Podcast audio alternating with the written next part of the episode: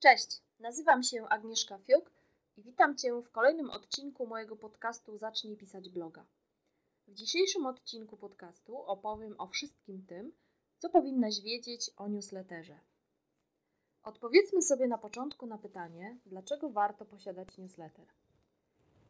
Zarówno dla małego biznesu i wielkich wyjadaczy giełdy oraz dla blogera, posiadanie własnego newslettera to konieczność. Przede wszystkim dlatego, że jest to możliwość zbudowania dodatkowej własnej bazy danych, niezależnej od social mediów, niezależnej od dostawców rozwiązań technologicznych. Dzięki newsletterowi możemy pozostać w stałym kontakcie z naszymi klientami, naszymi obserwatorami czy subskrybentami.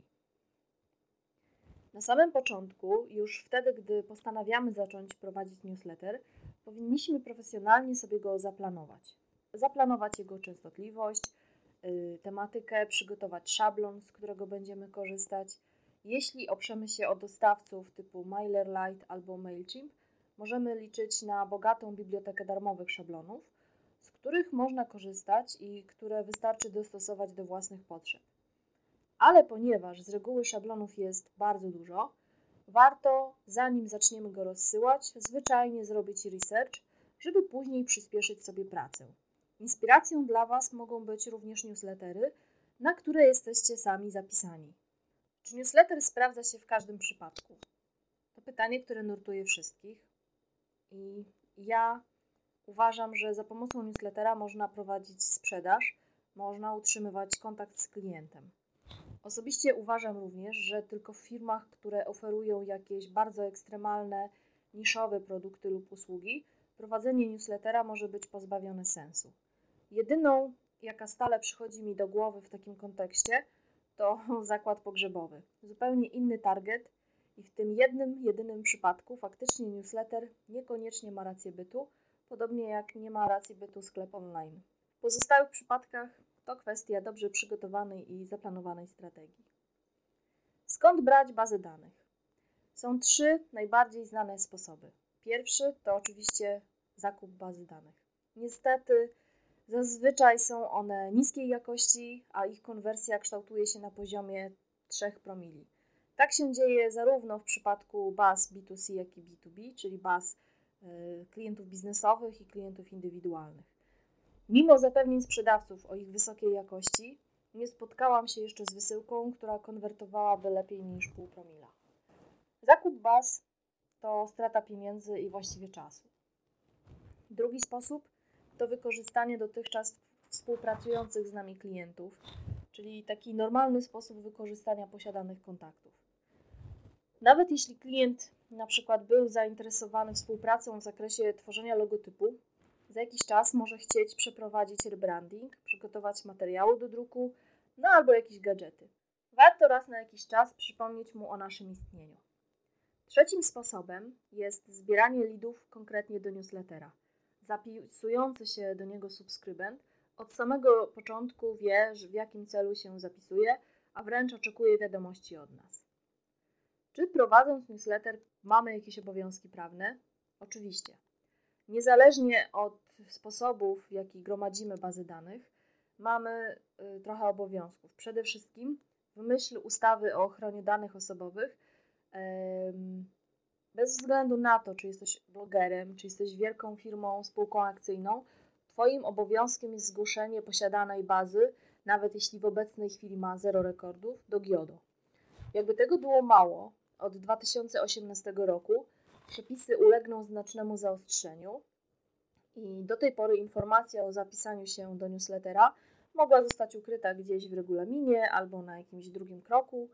Natomiast od przyszłego roku klient czy też subskrybent musi zostać poinformowany o tym, że zapisuje się do newslettera już na samym początku, czyli wtedy, gdy chcemy, gdy pokazujemy mu formularz do zapisania. Warto więc już dziś, budując nasz newsletter, budując formularze do zapisywania się klientów, wziąć pod uwagę nadchodzące zmiany. No oczywiście standardem jest również informowanie, jakie mamy plany wobec tych danych powierzonych nam w procesie rejestracji, czyli jeśli gromadzone dane będziemy wykorzystywać tylko na własny użytek, nie wiem, marketing, jakieś informacje, jakaś sprzedaż, koniecznie o tym napiszcie.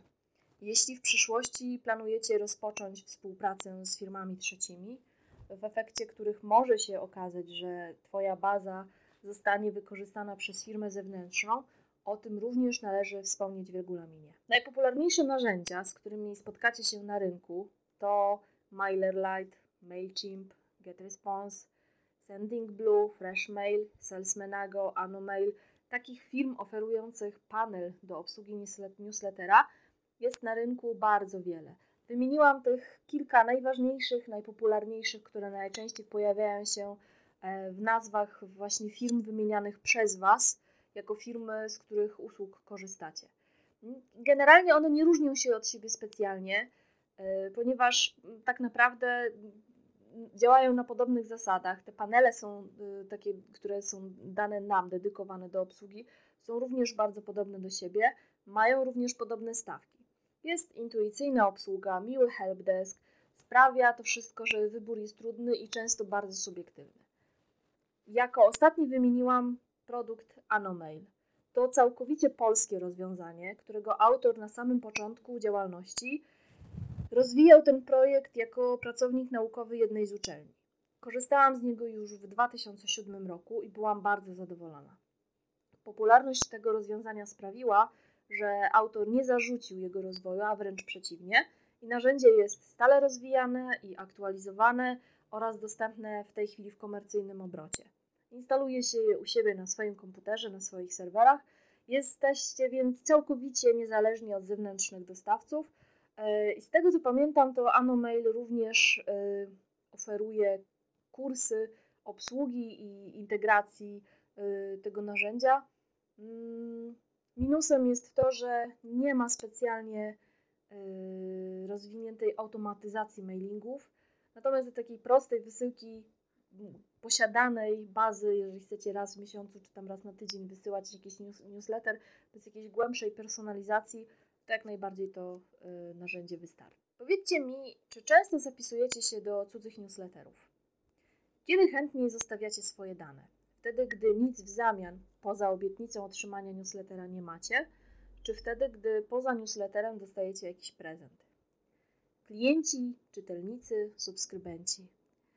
Każda z tych grup najchętniej podzieli się z Wami swoim adresem e-mail, jeśli zaoferujecie im jakąś dodatkową wartość. Niech to będzie planer, szablon, przepis na naleśniki, cokolwiek. Zapisując swój adres na jakąś listę w zamian za darmowy materiał, doskonale macie świadomość, że nazwa gratisowy czy też darmowy jest mocno umowną nazwą, bo płacicie za niego swoimi danymi. Ale nie macie z tym problemu, prawda? No bo przecież takie rozwiązanie jest jak najbardziej fair. Przecież autor materiałów, które w zamian otrzymacie, poświęcił trochę czasu na przygotowanie tego darmowego produktu.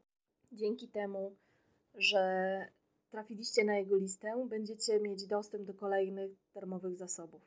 No i generalnie obie strony są zadowolone. Gratisowe materiały, które przygotowuje się raz na jakiś czas, to świetna marchewka, która działa zarówno zachęcająco, jak i motywująco na potencjalnych subskrybentów.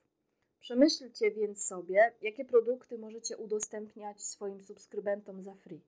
Czego mogą od Was oczekiwać, co może sprawić im wielką e, radość, e, tak wielką, że chętnie w zamian zapiszą się na Waszą listę newsletterową.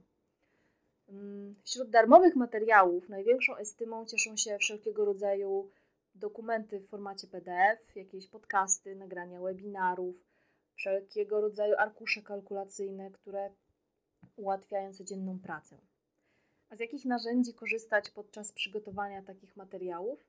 Ja osobiście szczególnie polecam mm, znaną Wam Canwę do przygotowania różnego rodzaju grafik i szablonów, e, Screencast Omatic do mm, filmów, tutoriali, obróbka webinarów również się świetnie nadaje ten program, e, Scribus do wszelkiego rodzaju PDF-ów czy też e-booków i Audacity do podcastów też jakichś innych nagrań audio, nie wiem, piosenek albo jakiegoś zapisu podpowiedzi nutowej. Co możecie przygotować Waszym subskrybentom jako gratis? No tak jak mówiłam. Mogą to być arkusze kalkulacyjne, jakieś wyzwania internetowe, tutoriale, jak zrobić coś krok po kroku, różnego rodzaju pliki audio, ściągawki. Generalnie sky is the limit. Co Wam przyjdzie do głowy, co jest odpowiedzią na potrzeby Waszych klientów w zupełności. Na pewno, jeżeli znacie swojego odbiorcę, jesteście w stanie dopasować dla niego jakiś prezent, który go zainteresuje i sprawi, że mm, będzie chciał mieć z Wami do czynienia częściej niż tylko odwiedzając was, was y, od czasu do czasu Waszą stronę internetową, a będzie oczekiwał od Was jakichś fajnych informacji. Wysyłając newsletter, wysyłając mailing, należy się również stosować do tak zwanych dobrych praktyk. Y, dzięki nim mamy szansę na to, że nasza wiadomość dotrze do odbiorcy i zostanie przez niego odczytana oraz skłoni go do oczekiwanego przez nas działania. Te zasady to przede wszystkim zasada tematu, który powinien być y, mocny i spójny z pozostałą treścią. To zasada y, szablonu, który powinien być responsywny, czyli dostosowany do urządzeń mobilnych, czyli tabletów, smartfonów, no i oczywiście laptopów i komputerów. Y, to również treść, która powinna korespondować z czasami z szablonem, z grafikami, których używacie, E, oczywiście z treścią nagłówka, który zachęca do zajrzenia, przeczytania tej waszej wiadomości. To również zasada dobrych grafik, czyli takich, które są lekkie, nie obciążają serwera, nie, nie powodują, że na przykład jeśli ktoś y, przegląda waszą wiadomość na komórce, to ta grafika się ładuje i pobiera i klient poświęca czas na to, żeby w ogóle cokolwiek zobaczyć.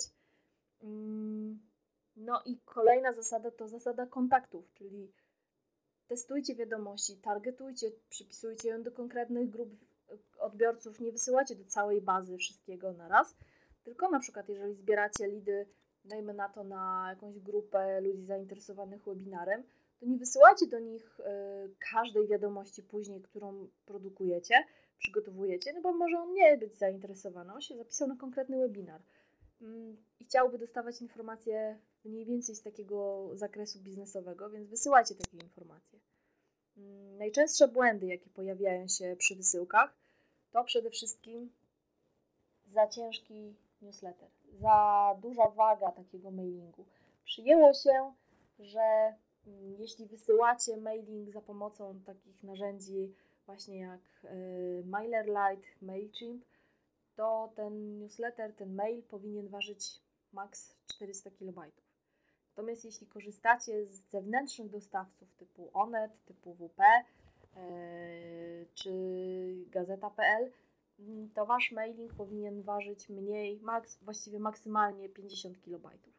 E, jeśli będzie za ciężki, to wydawcy Wam odrzucą taką wysyłkę, każą go przerobić. Natomiast e, jeśli wysyłacie właśnie za pośrednictwem swoich własnych narzędzi, to taki mail trafi do spamu. Za ciężkie obrazki to już właśnie wspominałam. E, jeśli są ciężkie, to również możecie dostać etykietkę spamu. No i przede wszystkim, jeśli wysyłacie mail do klienta, który może mm, nie być zapisany w Waszej bazie, to najczęściej się y, mm, zdarza przy właśnie zakupie bazy. No bo jeżeli macie, y, jeśli wysyłacie do klientów, którzy się zapisują na Wasze formularze, to oni wyrażają na to zgodę, są zainteresowani. Ale jeśli kupujecie bazę danych i taką bazę obsługujecie, wysyłacie do niej jakiś newsletter na przykład, może się okazać, że w tej bazie danych znajduje się już jakiś adres mailowy, który na przykład wycofał swoją zgodę e, z otrzymywania jakichkolwiek e, materiałów reklamowych. Tą zgodę wycofał u kogoś, kto zapisał tę bazę gdzieś kiedyś, a baza, którą wykupiliście jest stara, przestarzała, niezaktualizowana. No i wtedy przeglądarki dostaną informację, że sorry, ale ten ktoś nie wyraża zgody na kontakt marketingowy, a wy mu tutaj właśnie jakąś informację wysyłacie. No i możecie załapać się, wpaść do tak zwanej yy, spam trapowej listy. Z niej wydostać się jest bardzo ciężko. No i to tyle. Jeśli chodzi o newsletter, to są oczywiście podstawy ale posiadając taką minimalną wiedzę, możecie zacząć gromadzić e, swoją własną listę subskrybentów. Linki do wszystkich narzędzi i stron, o których wspominałam, znajdziecie jak zwykle na stronie z dzisiejszym podcastem. Zachęcam Was również do mojego kursu e, internetowego kursu online newsletterowy Wyga, w którym pokazuję, jak krok po kroku zacząć gromadzić lidy i wysyłać newsletter. To jest taki podstawowa wersja, która jak najbardziej może niektórym z Was się przydać i pomóc założyć e, własny newsletter, przede wszystkim przemóc się, żeby to wszystko rozpocząć. No dobra, cześć.